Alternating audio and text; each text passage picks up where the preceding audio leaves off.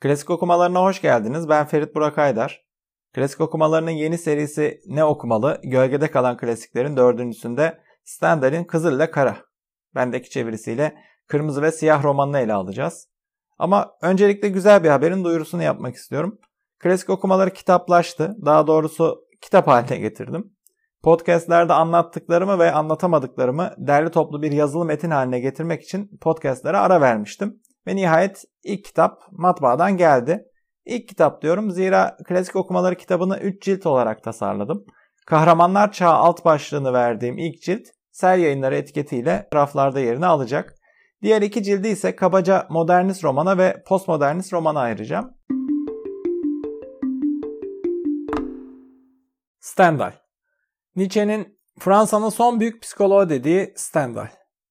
Onun Kızıl'la karasını ele alacağız bugün. Stendhal 18. yüzyıl Fransız romanının en önemli isimlerinden biri. Bir hayli de ilginç bir karakter. Hamlet üzerine düşünmeye, gerçek hayat üzerine düşünmekten daha fazla zaman ayırdım diyor. 19 yaşında Hamlet'i yeniden kurguladığı ilginç bir piyes kaleme almış. Olay Polonya'da geçiyor. Burada Hamlet kral oluyor ama Ophelia'nın intiharını duyunca o da intihar ediyor. Esas meziyeti ise gerçekçilik. Gerçekçi roman dendiğinde akla gelen birkaç isimden birisi Stendhal. Balzac gibi o da çok erken yaşta vefat ettiğinden çalışmalarının yarım kaldığını söyleyebiliriz. Marx yine Balzac gibi Stendhal'in de kendi tutucu dünya görüşüne karşın romanlarında farklı bir panorama ortaya koyabilmiş olmasını takdirle karşılar. Kaleme aldığı romanlardan bilhassa Kızıl ile Kara ve Parma Manastırı kanona damga vurmuştur ve biz bugün Kızıl ile Kara'ya bir diğer adıyla Kırmızı ve Siyah'a bakacağız.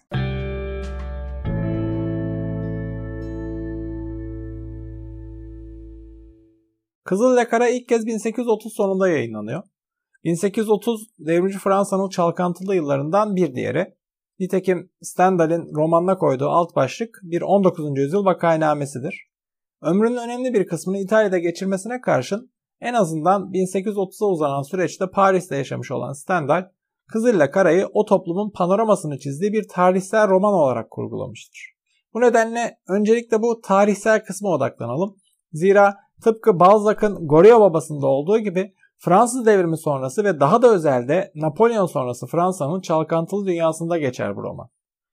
1789-1794 Fransız devrimi siyasal idealleri bakımından yenilgiye uğramıştı. Fakat Fransa'da kapitalist üretim ilişkilerini hızlandırmış, dahası Napolyon'un süngüsünü katalizör olarak kullanıp Avrupa'nın birçok yerine yeni üretim ilişkilerini taşımıştı. Ülke içinde gelişen durumsa fevkalade karmaşıktı. Bir defa Fransız devriminin siyasi ideallerinin yenilgisi Burjuvazinin siyasi iktidarı kısmen kaybetmesi anlamına da geliyordu.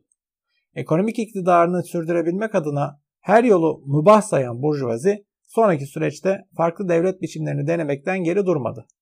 Napolyon'un Bonapartist yönetiminden imparatorluğuna, 1815 yılında Bourbon Krallığı'nın ihyasından 1830 Temmuz Krallığı'na kadar her yolu denedi.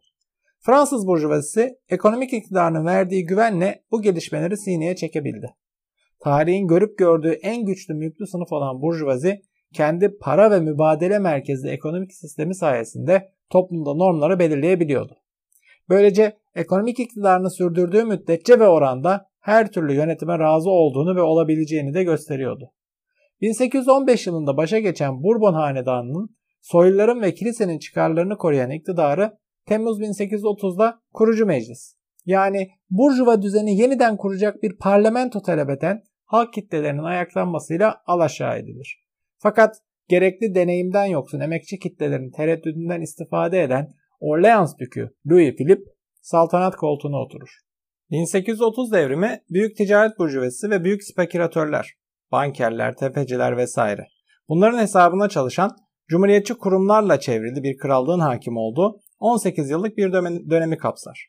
Sanayi burjuvesi siyasi iktidardan yoksun olduğu için krallık yönetimine karşı cumhuriyetçi muhalefetin arkasında saf tutar. Ticaret burjuvasine gelince o devlet himayesi ve getirdiği ayrıcalıklar sayesinde daha rahat bir biçimde serpilip gelişir. Bütün bunlara ilaveten Fransa'da kilisede Cizvitler ve Jansenciler şeklinde iki kampa bölünmüştü. İşte Stendhal'in romanının yayınlandığı 1830 yılında Fransa'da ahval budur.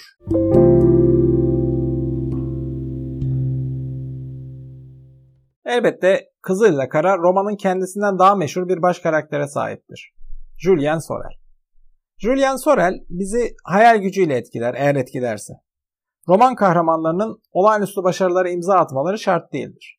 Keza ahlaken tutarlı insan olmaları da gerekmez. Ama bizi yeni dünyalara sürükleyebilmeleri gerek diye bir şart koyabiliriz ve bunu yapabilmeleri de hayal güçlerinin çapına, menziline bağlıdır.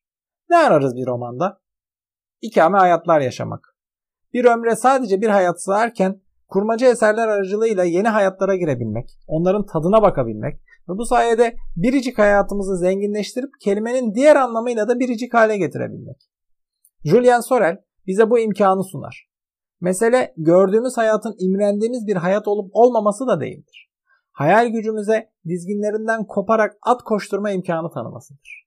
Yazar ve anlatıcısı bize bu imkanı veriyor. Julien her şeyden önce seküler hayatın çekiciliğinin temsilcisidir.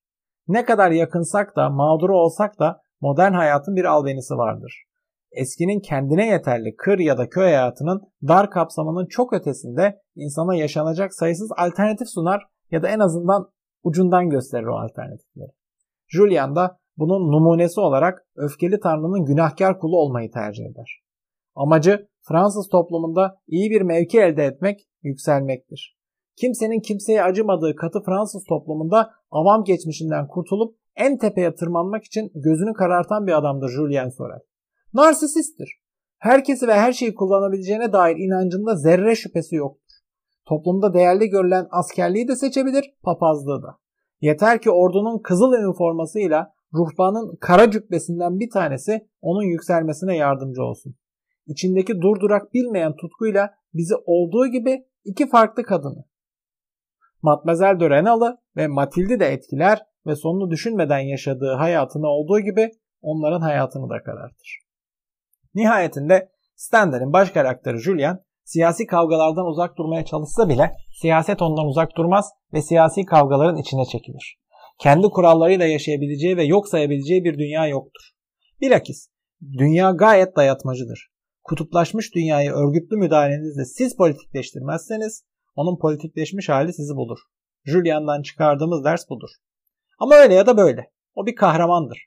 Peki kahramanlık nedir? Kahramanlık Julian Sorel'in sorgulamalarından sonra gelendir. Vasatın kabul edilmemesidir. Bir yerde şöyle eder. Herkül gibi o da bir tercih yapmak zorundaydı. Ama fenalık ile fazilet arasında değil, işini sağlama almış refah dolu hayatın ne uzayan ne kısalan vasatlığı ile gençliğinin tüm kahramanca hayalleri arasında bir tercihti bu. İçinden demek benim güçlü bir iradem yok diyordu. Zaten onun içine en çok kemiren şey de bu kuşkuydu ya. Ben büyük adamların yapıldığı hamurdan yoğrulmuş değilim diyordu. Julian Sorel bu sorgulamaları yapar ve nihayetinde kendini korkunç ihtiyatlılıktan uzak tutmaya karar verir ve gözünü sakınmaz. Denememek hata yapmaktan daha kötüdür. Kendi bildiği yolda ilerlemek için tehlikeleri göze alacak ve verili olanı kabul etmeyecektir. Stendhal'in en büyük başarısı ve psikolojik romanın öncülerinden sayılmasına yol açan özelliği insan duygularının karmaşıklığını, çok katmanlılığını ve çelişkilerini görmesiydi. Julian'ı herhangi bir kaba sığdıramayız. Yaptıklarını tek bir sebeple açıklayamayız. Bütün bunlar Stendhal'i günümüzün roman anlayışına yaklaştırır. Keza birçok eleştirmenin dikkat çektiği gibi kullandığı anlatı tekniği görünüşteki o alemi mutlak anlatıcının gerisinde ziyadesiyle karmaşıktır. Postmodern anlatının öz düşünümlü anlatıcısına ara ara yaklaştığı yerlerin dışında anlatının kendi kendisiyle alaycı ilişki kurarak romanın parodisini bizzat sunduğu örnekler vardır. Fakat Stendhal sonuçta yaşasa kendini klasik romancılar içinde bizde klasik denen çizgiye yerleştirirdi. Bir derdi ve hikayesi vardı. Onu anlatır Stendhal. Bir yerde şöyle bir söz sarf eder. Bir romanın asli özelliği bir akşam başına oturup okumaya başlayan okurun bütün gece gözünü kırpmadan sabaha sabah ederek okumasını sağlayabilmesidir. Dolayısıyla bir romanın olay örgüsünü peşinen ortaya sermek onun romana duyacağı ilginin çoğunu baştan götürmek olur der. Ve dolayısıyla sürükleyiciliğin eksik olmadığı bir olay örgüsü yaratır. Romanda asıl olan halen hikayedir, olay örgüsüdür. Ve elbette bu olay örgüsünün çarpıcılığıdır. Stendhal okuru bu kadar süre bekletmiş olmasının ödülünü avamdan bozma Julien Sorel'e mübarek bir günde toplumda muteber bir adamın karısını vaktiyle ilişkide olduğu kadını öldürmeye giriştirerek verir.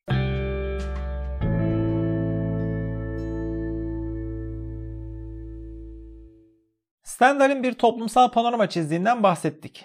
Stendhal'in dünyasında eleştiriden muaf tutulabilecek, tutulması gereken bir kurum yoktur. Elbette Stendhal devrimci değildir ama korkak hiç değildir. Soyut düzlemden somuta gelecek olursak kalemine ihanet edecek bir yazar hiç değildir. İki yüzlü, tabansız muhafazakarlar görmeye alıştığımızdan onun kilise eleştirileri bizi şaşırtmamalıdır. Kuşkusuz Stendhal bu romanın dışına çıktığında başka bir hüviyete bürünür, başka bir romanını bilerek yazmaz ama bunlar bizi şu anda ilgilendirmiyor. Sadece Kızıl ile Kara'ya odaklanıyoruz. Stendhal'in romanında dini kullanarak ikbal peşinde koşan din adamlarını her fırsatta yerden yere vurulduğunu görürüz. Yoksullara manevi değerleri satıp başka bir dünyada cenneti vaat ederlerken kendileri bu dünyada cenneti yaşamanın telaşındadır bu din adamları. Tevekkeli değil romanın başında İncil'i ezbere bilen Hafız Julian ölüm döşeğindeyken o dine sığınmayı reddeder.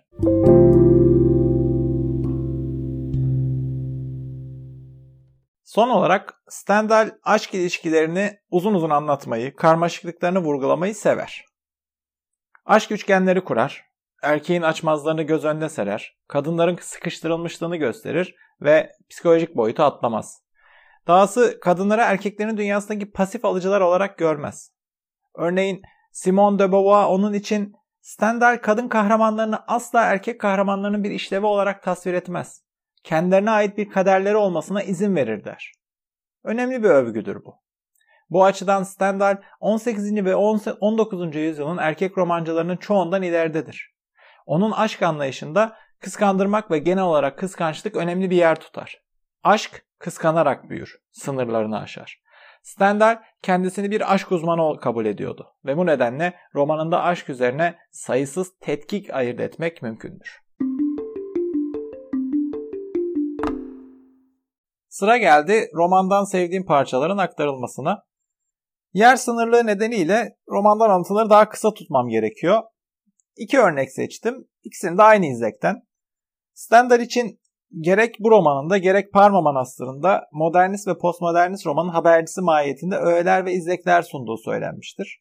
Bunlardan ilk alıntıda roman yazma süreciyle öz düşünümlü bir anlatıcı karşımıza dikilir ve 19 yaşındaki Matilde Ölemoğlu toz pembe resmetmiyor olmasını meşrulaştırmaya girişir. Böyle bir birliğe dair olmayan fikir adamının vay haline. Onun ufak tefek başarılarını bile çok görürler. Onun hakkını yemek fazilet erbabı için bir şeref sayılır. Ne yapalım bayım? Roman denilen şey uzun bir yol üzerinde dolaştırılan bir aynadır. Bu ayna bize kah göklerin maviliğini, kah yolun hendeklerinde biriken çamurları gösterir. Bir de torbasında bu aynayı taşıyan adamı ahlaksızlıkla itham edersiniz. Onun aynası yolun çamurlarını gösteriyor diye aynayı kabahatli buluyorsunuz. Çamurların bulunduğu bu uzun yolun, daha doğrusu bilhassa suların birikmesine ve çamur olmasına meydan veren yol müfettişini itham ederseniz daha yerinde olur.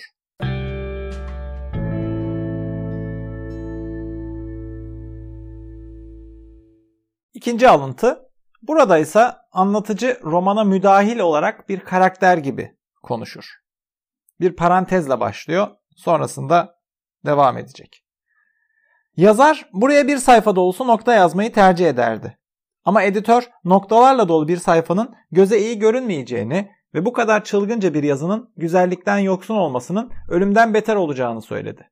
Bunun üzerine yazar ona siyaset edebiyatın boynuna takılan bir taştır. 6 aya varmaz onu bastırır dedi.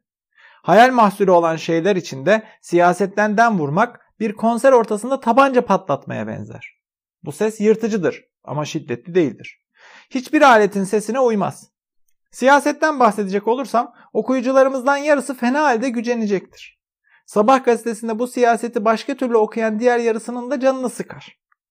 Tabi yazara şöyle derler. Eğer sizin kahramanlarınız siyasetten bahsetmezlerse bunlar 1830 yılında yaşayan Fransızlar değil demektir. Bu takdirde kitabınız iddia ettiğiniz gibi uzun bir yıl boyunca gezdirilen bir ayna olmaktan çıkar. Bir sonraki kaydımızda buluşmak üzere.